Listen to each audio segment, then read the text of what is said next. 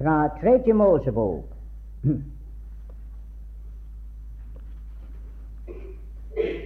Det 16. kapittel, Tredje Mosebok.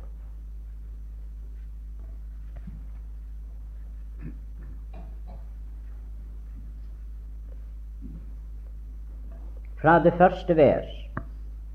Tredje Mosebok, 16. kapittel og første vers.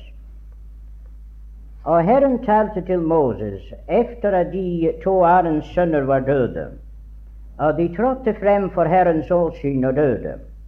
Og Herren sa til Moses, til, tal til Aron, til din broder, og si at han ikke til enhver tid må gå inn i helligdommen, innenfor forhenget, like for nådestolen, som er over arken, for at han ikke skal dø. Ty jeg vil åpenbare meg i skyen over nådestolen. Men dette skal Aron gå inn i helligdommen med en ung okse til syndoffer og en veder til brennoffer. Han skal iføre seg en hellig linnet underkjortel og have linnet hoftebelte på sitt legeme, og omgjorde seg med et linnet belte og binde en linnet hue på seg. Disse er hellige klær og han skal bade sitt legeme i vann og iføre de, seg dem. Og av Israels børns menighet skal han tage to geitebukker til syndoffer og en veder til brennoffer. Og Aron skal føre syndofferets okse frem, som er for ham selv, og han skal gjøre forlikelse for seg og for sitt hus. Og han skal tage de to getebukker og fremstille dem for Herrens åsyn ved inngangen til sammenkomstens sted. Og Aron skal kaste lodd om de to getebukker, en lodd for Herren og en for Asa selv. Og Aron skal føre den bok frem, på hvilken lodden for Herren er fallen, og ofre den til syndoffer. Men den bok på hvilken lodden for Asa selv er fallen, skal stilles levende frem for Herrens åsyn, for at man skal gjøre forlikelse ved den, og så sende den til Asa selv i ørkenen. Og Aron skal fremstille syndoffer oksen som er for ham, og gjøre forlikelse for seg og for sitt hus, og han skal slakte syndoffer oksen som er for ham og han skal tage ildkaret fulle av gløder fra alteret for Herrens åsyn, og sine never fulle av støtrykkelse og velluktende sager, og han skal bære det innenfor forhenget, og han skal legge røkelsen på ilden for Herrens åsyn, så skyen av røkelsen skjuler nådestolen som er over vitnesbyrdet og han skal tage av oksens blod og stenke med sin finger på nådestolen fortil, og han skal syv ganger stenke foran nådestolen av blod med sitt finger. Vi leser nå noen vers i Det nye testamentet, fra Hebreerbrevet syvende kapittel. Hebreerbrevets syvende kapittel og vi leser fra vers 23. Og av fine prester har der vært flere, fordi de ved døden hindres fra å holde ved. Men denne har et uforgjengelig prestedømme, fordi han bliver til evig tid, hvorfor han òg kan fullkommen frelse dem som kommer til Gud ved ham. Ty han alltid lever til å gå i forbønn for dem. Ty en sånn ypperste prest måtte vi òg have, hellig, uskyldig, ren, skilt fra syndere, og opphøyet over himlene. En som ikke hver gang trenger til, like som ypperste presten, først at frembære offer for sine egne synder, deretter for folkets. Ty dette gjorde eh, han en gang for alle da han ofret seg selv. Til loven innsetter til ypperste prest mennesker som har skrøpelighet. Men Edens ord, som kom etter loven, innsetter Sønnen, han som er blevet fullendt for evig tid. Kapittel 8. Men en hovedsak ved det som her sies, er dette. Vi har en sånn ypperste prest som satte seg ved høyre side av majestetens trone i himmelen, med prestelig tjeneste i helligdommen, det sanne tabernakel som Herren har reist, og ikke et menneske.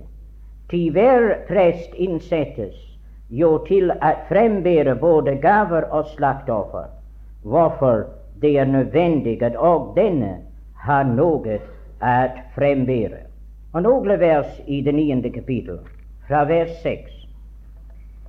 Men i det nå dette er laget således, går presten alltid inn i det forreste telt når de utfører sin tjeneste. Men i det andre telt går bare én eh, gang om året. Inn, ut, men i det andre telt går bare ypperste presten inn én gang om året, ikke uten blod, som han bærer frem for seg selv og for folkets forseelse. I det Den hellige ånd hermed giver til kjenne at veien til helligdommen ennå ikke er åpenbart så lenge det forreste telt ennå står.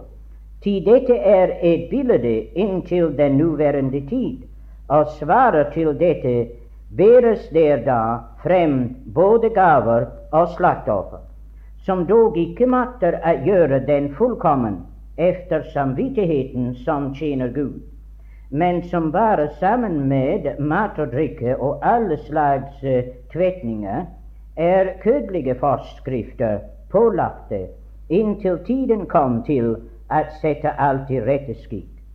Men da Kristus kom, som ypperste prest for de tilkommende goder, gikk han igjennom den større og fullkomnere telt, som ikke er gjort med hender, det er som ikke er av denne skapning, og ikke med blod av bukker og av kalver, men med sitt eget blod, en gang inn i helligdommen og fram en evig forløsning.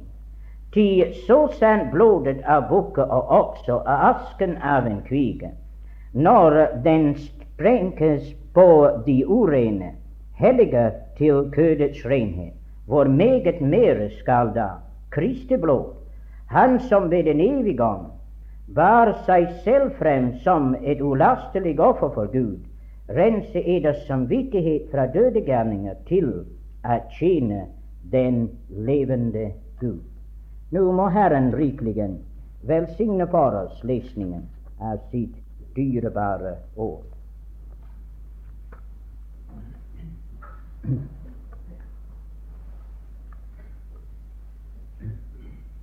Vi er kommet så langt i våre betraktninger av Israels vandring fra kan Egypten til Kanaan at vi er kommet til den tid at de stod ved Sinais bjerg.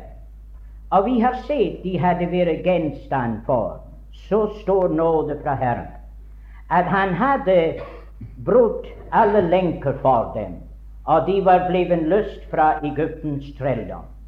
At de hadde erfart forløsning ved det dyrebare blod. At de også hadde erfart Guds store maktprøve ved Det røde hav, da han forløste dem med sin makt. Og da var Israel i stand til å synge, nettopp som vi har hørt, en lovsang til Herren. Men som tiden gikk, han ble ved å vise sin nåde imot dem. Og da de kom til Mara, han lærte dem der hvordan at de bitre vannet de kunne blive søt. Like som Gud i sin nåde underviser sine barn i dag, er ved å bringe korsets tre inn i dine og mine erfaringer så bliver disse vande søte. Og da så vi også at han fører dem til Elem og vederkveger dem. Men han åpner himmelen, og han giver dem manna. Han lader vannet strømme fra den klippe som ble slått. Nå, alle disse bilder, de er alle sammen sterke og herlige bilder. Jeg viser oss hva Gud i sin store nåde har gjort for sine barn nå. For disse var kun timlige velsignelser som Israel oppnådde. Men da vi kommer til Det nye testamentet, det lader oss se at denne klippe var en åndelig klippe. Det var Kristus. Og at denne mannen det talte om den åndelige mat, som er Kristus. Så at alle disse ting som var for dem, like frem bokstavelige og timlige velsignelser, for oss, de er det store og himmelske. Men vi så at hans hensikt ved å føre dem ut av Kanaans land, ut av Egyptens land, det var jo ikke kun dette at de skulle bli befriet fra faros makt, men det var også at de skulle tilhøre ham. Han førte dem på ørnevinger, står det, og han førte dem til seg selv. Det var at de skulle blive hans egen eiendom. Han nettopp sier det, at de skulle være et eiendomsfolk og et hellig presteskap. Og vi så at Gud har derfor større interesse i deg og meg enn han har i vår tjeneste. Selvfølgelig hadde han brakt dem ut for å tjene ham, for han sa, la min sønn gå, at han kan tjene meg. Han sa, la mitt folk gå, at de kan ofre til meg, at de kan holde høytid for meg. Det skulle de gjøre, selvfølgelig. Men Saken var den at Herren han vil ha dette folk helt for seg selv.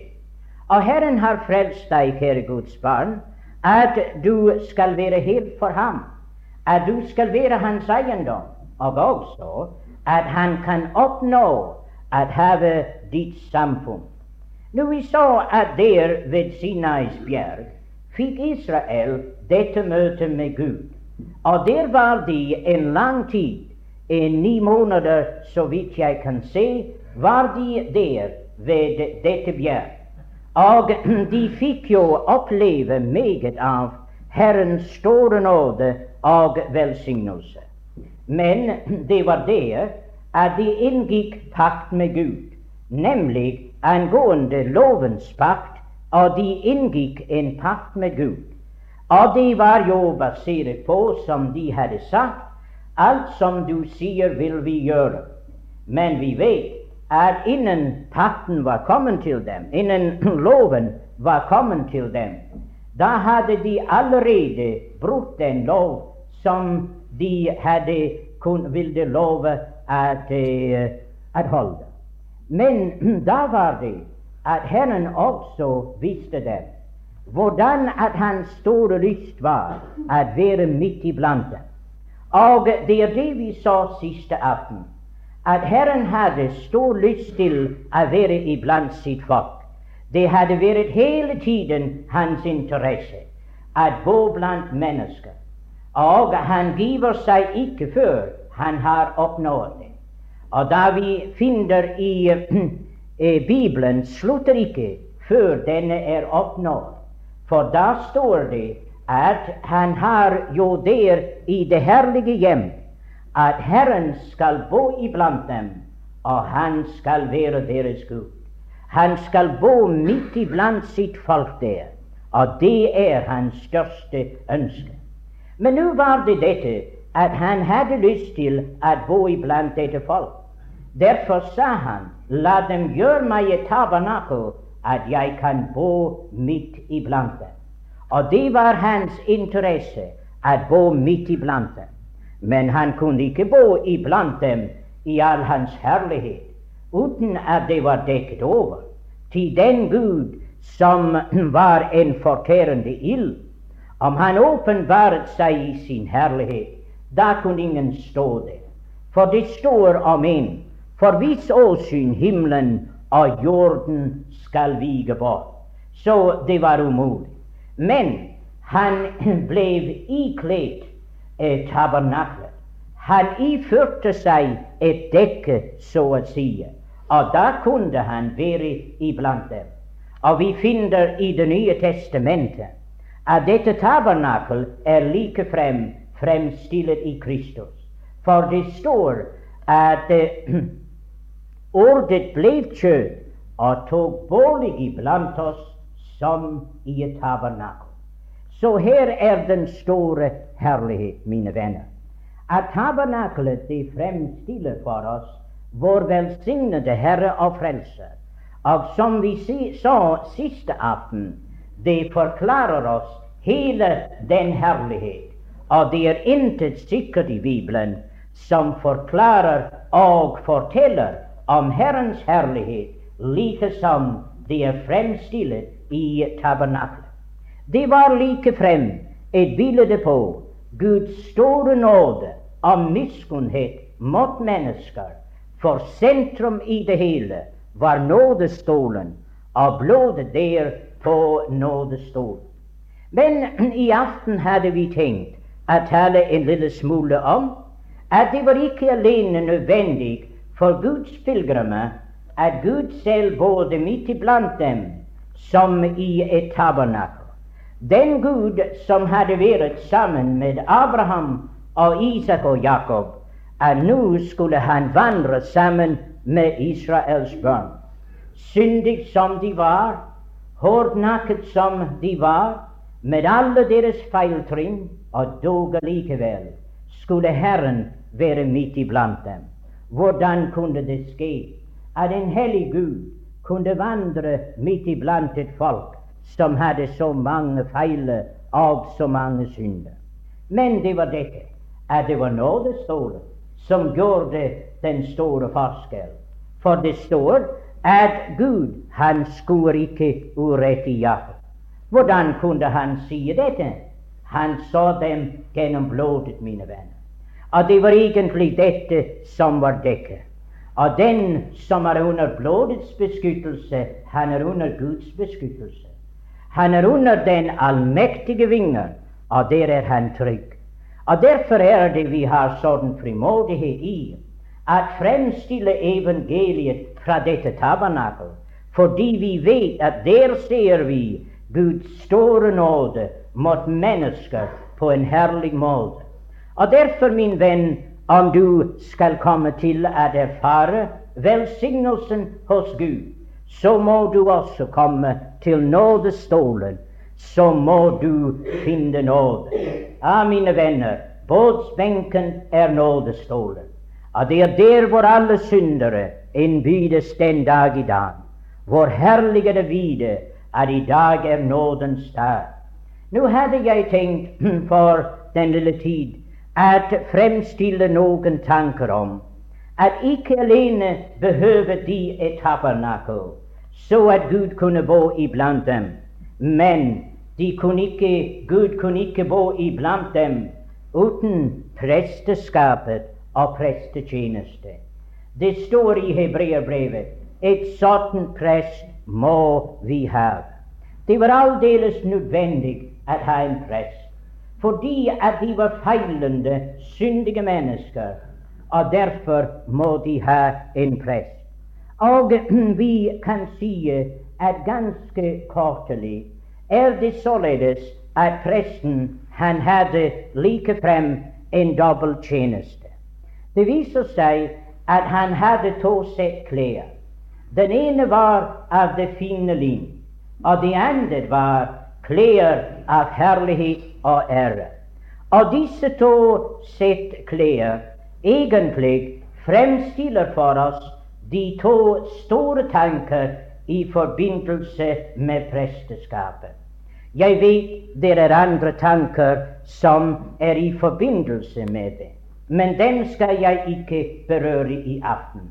Særlig disse to store tanker i forbindelse med disse to sett klær som presten hadde.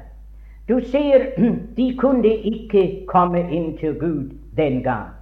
For hebreerbrevet forteller oss at så lenge det forrige telt den stod, og så lenge at forhenget ikke var revnet, da var det ikke adgang til Gud. Nei, adgang til Gud var ikke åpenbart den gang. Men allikevel hadde han vist oss at det var en måte på hvilken det kunne blive adgang til Gud. Og denne måte var at vi må ha en prest. Noe hadde skjedd som var meget ydmykende. Da tabernaklet ble innviet, da var det Nadab og Abihu. Disse to de hadde likefrem brukt fremmed ild, og ild fra Herren kom ut og forterte. Det var egentlig for å vise dem at den Gud som bodde iblant dem, at han var en hellig Gud. Jeg tror også at det var nettopp derfor, da menigheten ble innviet i Det nye testamentet, at disse to de døde for Herrens åsyn fordi de sa usannhet. Og derfor er, var det for at det skulle være en forståelse av at den Gud som bor midt iblant sitt folk, han er en hellig Gud. Men for oss var det dette at han hadde latt oss se at det var en ting som de ikke måtte gjøre, og det var å gå inn til enhver tid i Guds nærværelse. Men det var kun en dag om året at dette kunne skje. Og den dag var den store forsoningsdag.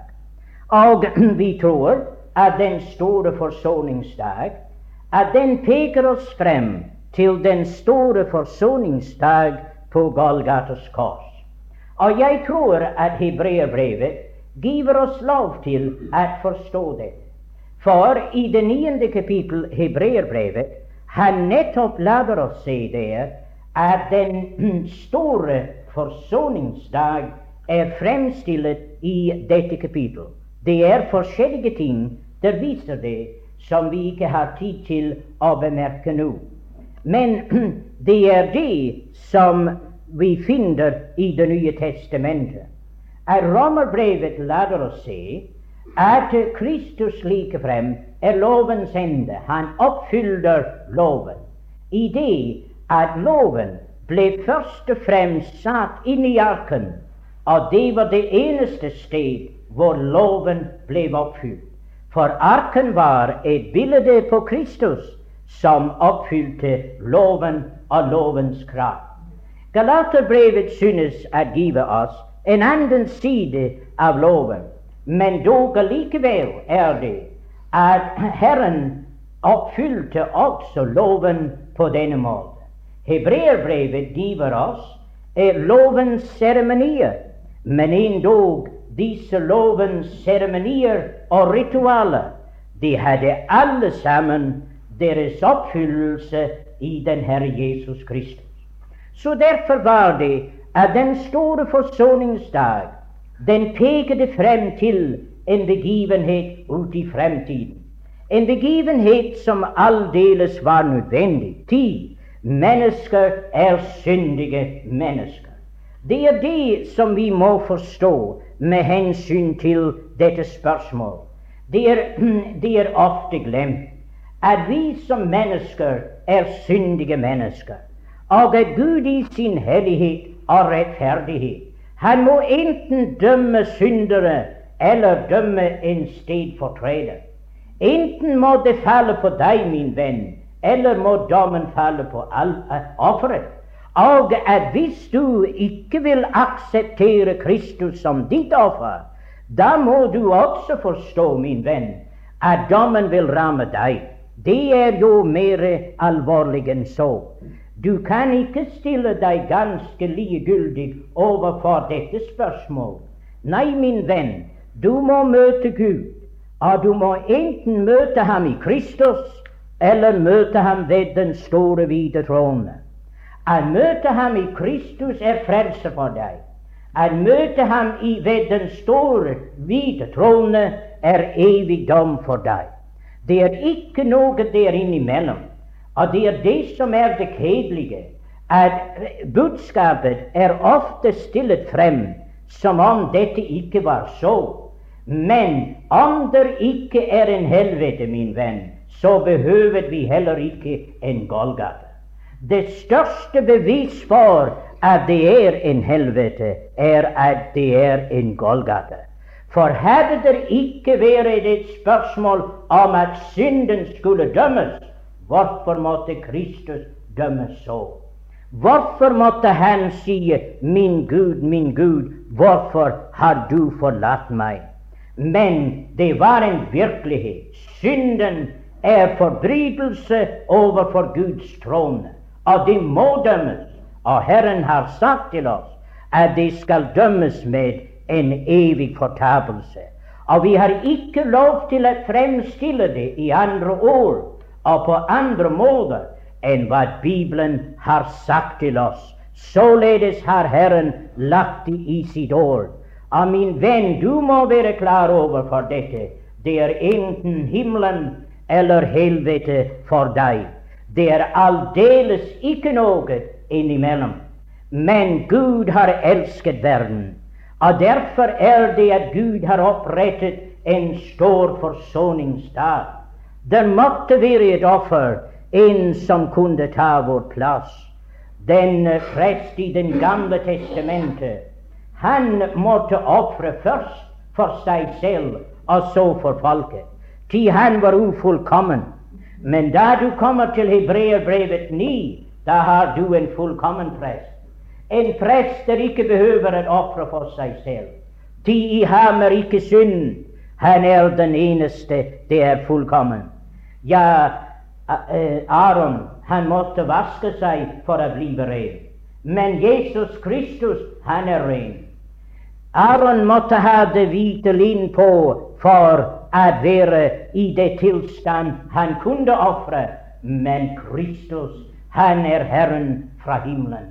Guds plettfrie sønn, den sønn i hvem Gud hadde velbehag. Så han behøvde ikke å vaske seg. Og han behøvde ikke å rense seg. En sånn prest måtte vi ha som er hellig og adskilt fra syndere, høyere enn himmelen, og vi har den prest. Den prest er vår velsignede Herre og Frelser, som således var fullkommen i seg selv.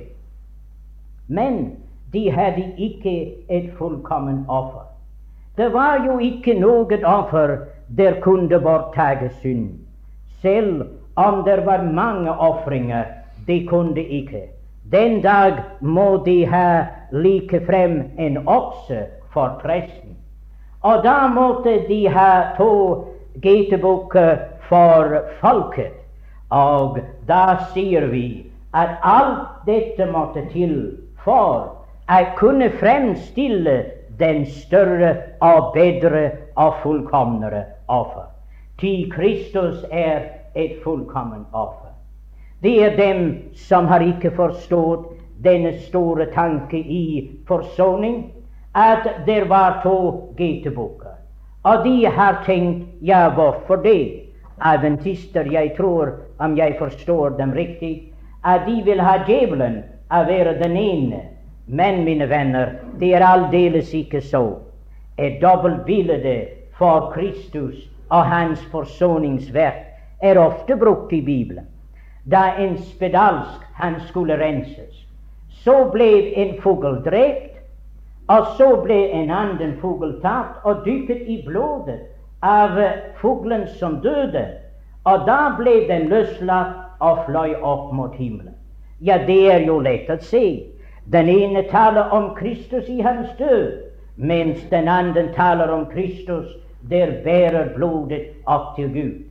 Og nettopp har vi den samme tanke her. Da Johannes sa 'Se det Guds lam', det bærer bort verdens synd, jeg tror at han hadde bildet nettopp om den store forsoningsdag der. Tider var to ting der. Se det Guds lam, ja, det lam der dør, og der bærer verdens synd ja, det lam som bærer bort verdens synd fra Guds åsyn ut i forglemmelsen. Og det er dette det er det store tanke der, at det enes blod det fløt, medens det andre bar synden bort fra Guds åsyn. ut i forglemmelsens ørken. Og det er en herlig sannhet for oss vi har i dag at forkynne. At da presten han gikk inn i helligdommen der med blodet, da gjorde han en forsoning for oss. Og det står at Kristus han vant en evig forløsning. Og er dette ikke herlig å vite, min venn, og at han bar våre synder bort, bort fra Guds åsyn. Den gang han sa på Golgates kors, Min Gud, min Gud, hvorfor har du forlatt meg? Ja, da var han ute i ørkenen. Da var han et sted hvor Gud ikke var. Da var han, mine venner, i det dype mørket. Han bar dine og mine synder bort fra Guds åsyn. Derfor kan Gud si at eders synder og overtredelser vil jeg ikke mere komme i hu. Golgate er en fullkommen gjerning, og Jesus han fant en evig forløsning. Og da han hadde vunnet en evig forløsning, da satte han seg ved majestetens høyre hånd i det høye. Og derfor er det at du, min venn, i aften, du kan forstå dette, at Jesu Kristi blod har tilfredsstillet Gud. Ti presten gikk inn til Gud med blodet, og han satte den ene dråpe der på nådestålen. De syv foran nådestålen stenket han syv ganger. Og derfor er det at du og jeg kan stå like frem på blodets grunnvoll, og vi kan vite dette, at Guds rettferdige krav er tilfredsstillet, at Jesus har båret alle våre synder bort i sitt legeme på korset. Det er et herlig evangelium. Og du, min venn som er her i aften, med syndens byrde på deg, se bort til Golgates kors Se ham som alene der kun tilfredsstiller Guds rettferdige krav. Se ham bære sitt eget blod inn for Gud. For mine venner, Kristus var ikke alene presten. På den store forsoningsdag han var også offeret.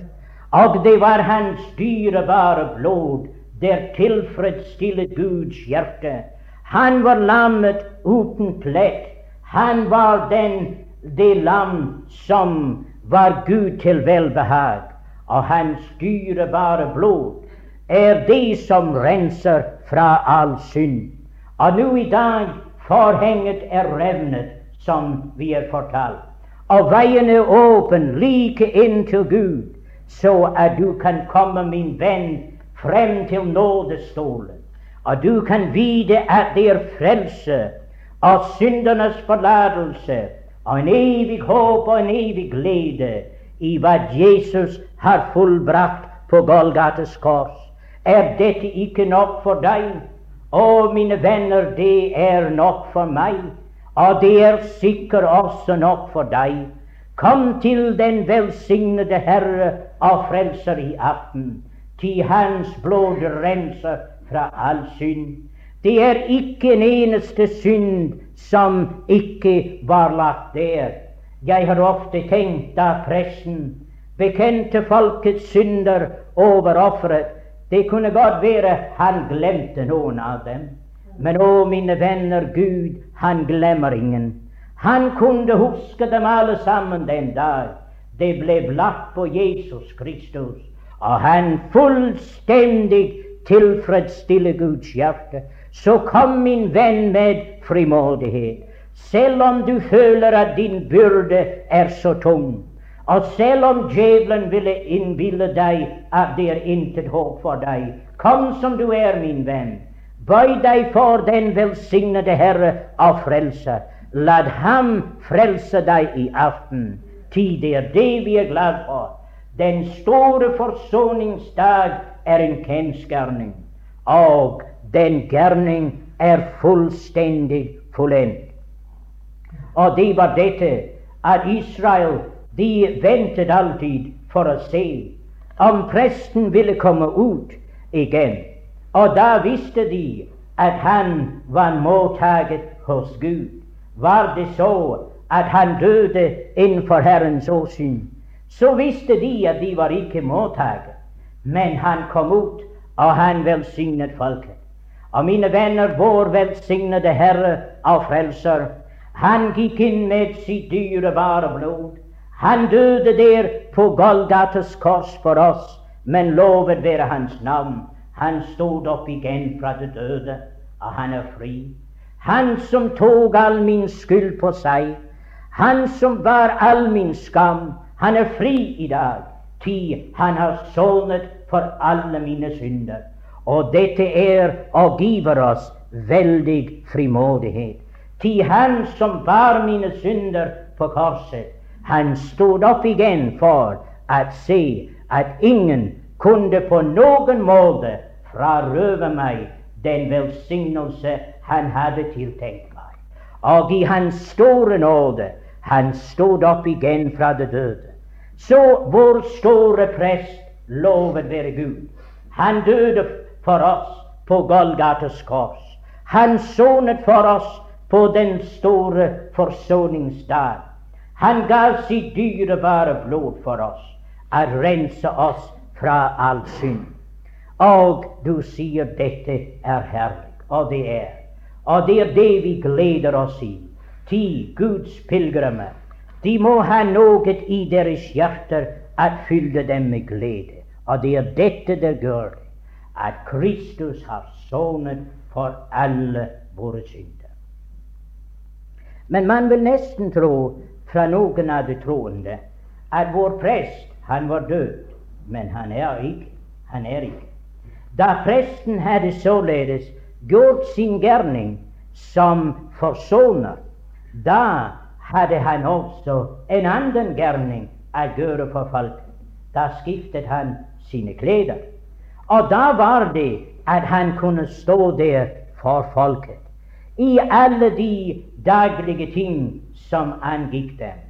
Og jeg ønsker kun ganske kortlig å minne eder om at da vi er blevet frelst gjennom fra vrede gjennom hans død, hvor meget mer skal vi ikke være frelst ved hans liv. Om Jesu død på Golgata frelste meg, ja, hva skal så hans liv gjøre for meg? Ja, det er dette, at vi har en prest der går i forbønn for oss. Vi har en som lever i dag, og min prest, han er gått inn i helligdommen. Og jeg har en fullkommen prest. Se, det det var i veien med De gamle testamentets prester. De kunne ikke alltid ha en prest, fordi at presten døde. Og så måtte de ha en annen.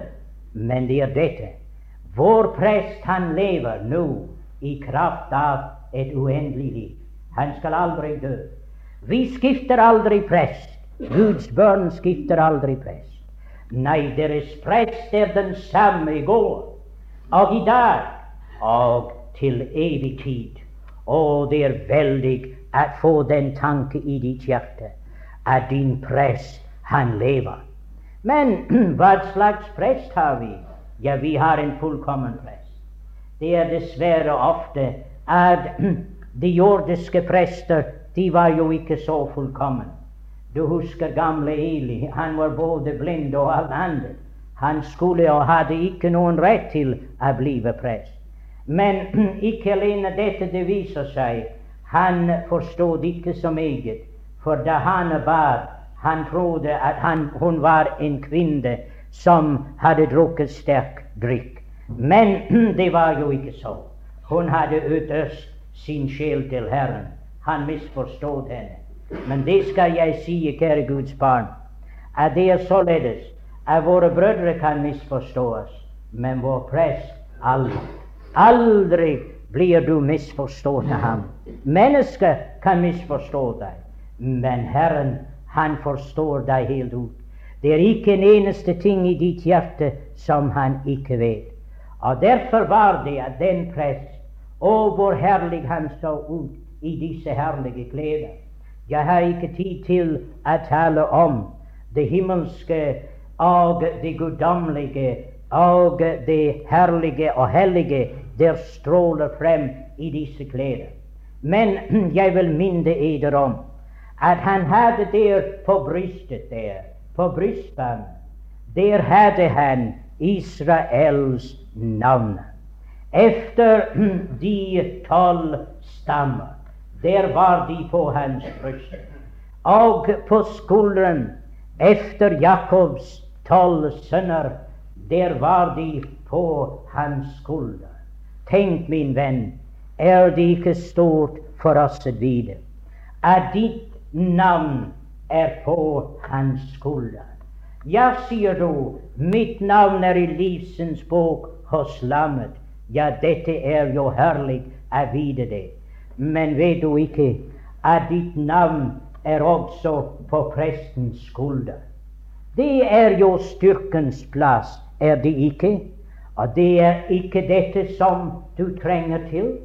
Hva hver eneste synder trenger til, er en prest der kan sone for hans synder, og det er Kristus. Det har han gjort. Men hva er det hver eneste Guds barn trenger til? En prester kan bære meg på hans skuldre, og det har du i Kristus.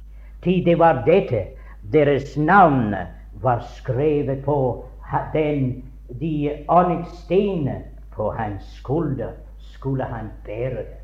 Han skulle bære dem på hans skulder. Er dette ikke herlig å vite?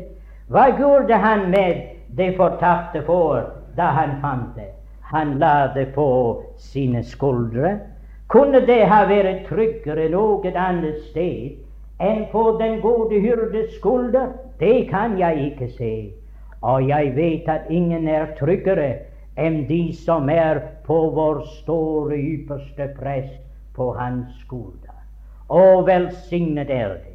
Det står i Esaias at han skulle bære denne verdens styre på sin skulder. Ja, på den ene. Han skulle klare verden. Men når det gjelder deg og meg, han har begge skuldre til det. Og det er dette som han ville lade Israel vite. At efter fødsel, da var de på hans skulder.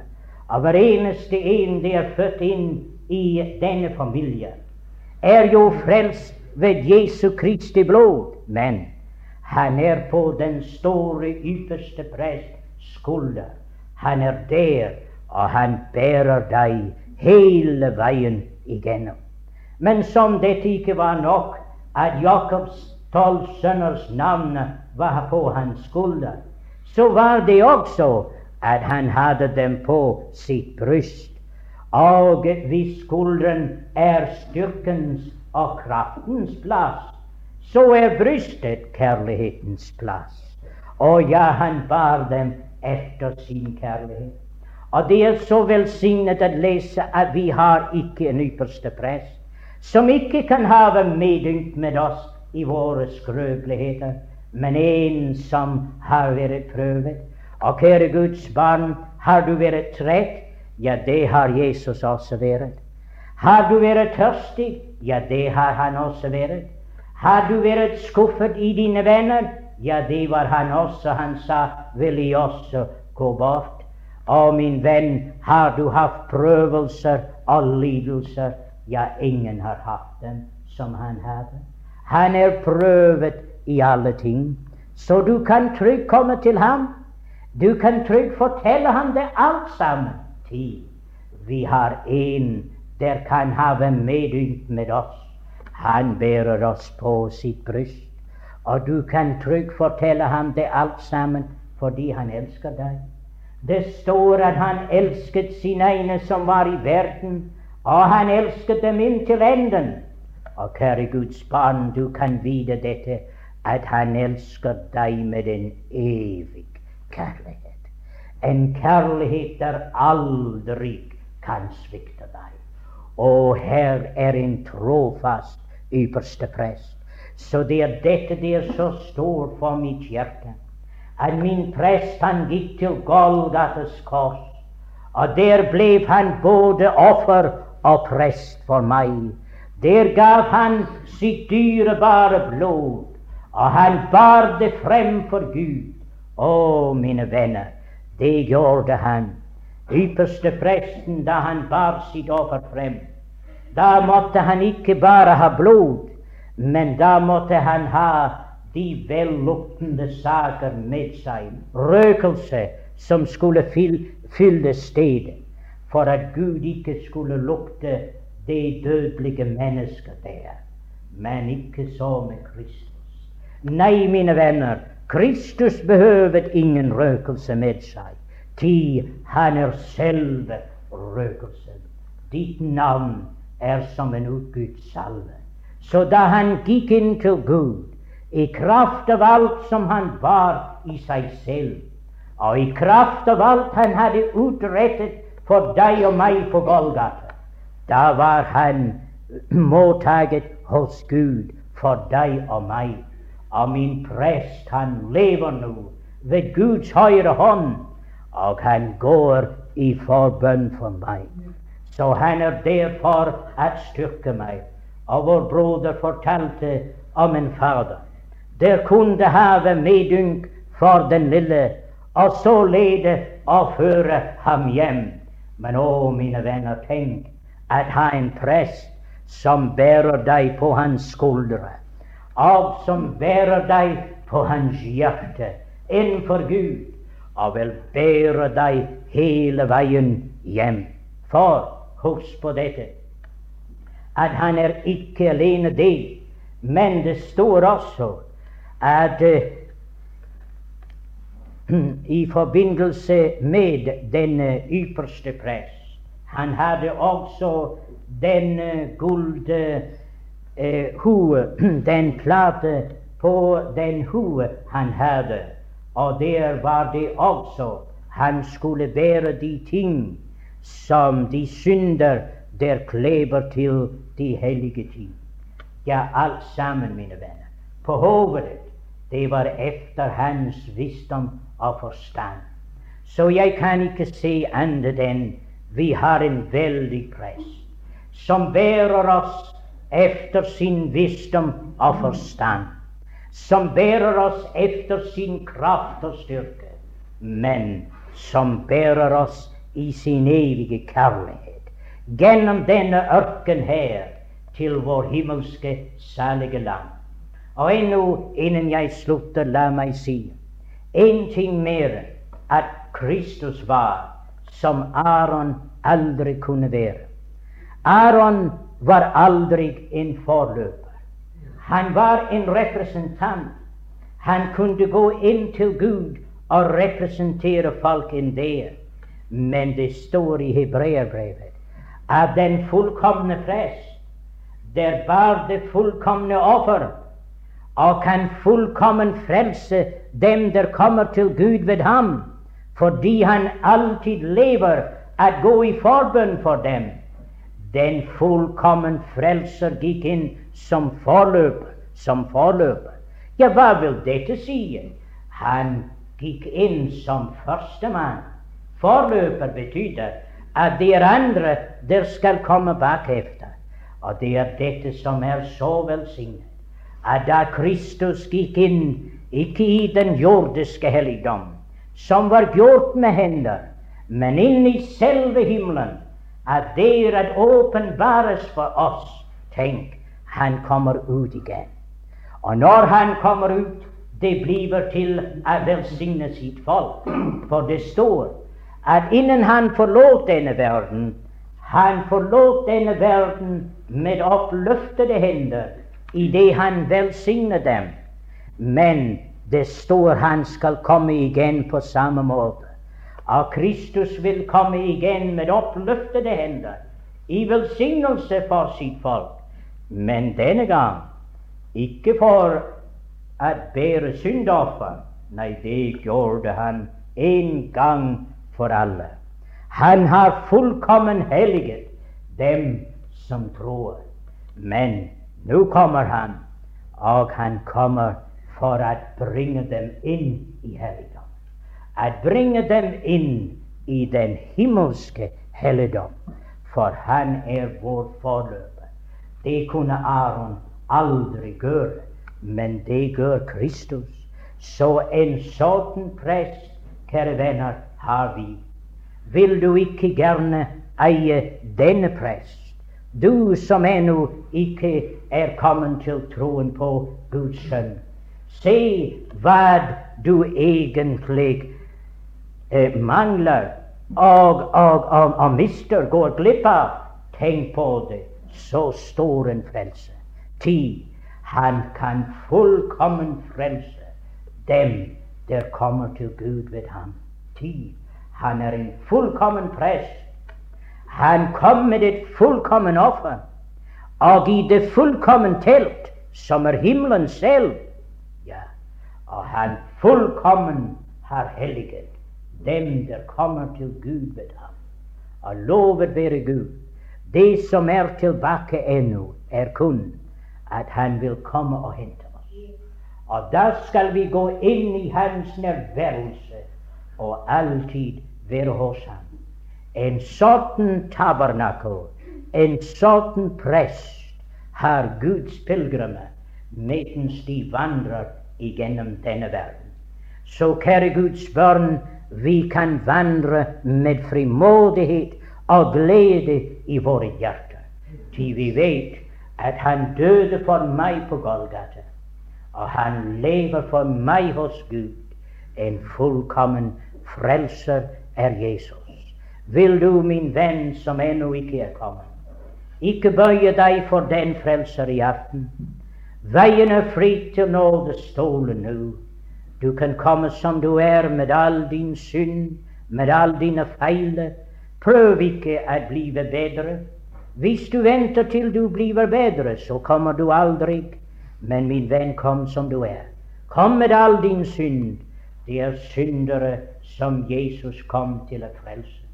Derfor flytt hans dyrebare blod på Golgata, at frelse hver den som tror. Og du har intet å gjøre, min venn enn nettopp der hvor du sitter, bøye deg for den frelse. Trå på Guds innbårne sønn, og tenk at da er den prest din prest. Da er han din prest, og din prest for evig, for han skal aldri dø. Å, min venn, vi kan trygt anbefale, så står en frelse til deg. Men hva står det? Hvorledes skal de kunne unnfly? Om vi ikke bryter eder om, så står en frelse. Ja, hvorledes, min venn? Du må selv svare spørsmålet. Mange har spurt det, men ingen har svaret. For jeg ser det er ingen mulighet for dem som ikke bryr seg om, så står en frelse. Så min venn, la denne aften være aften, da du bøyer deg for Jesus og tar imot så stor en frelse i Hans verdighet.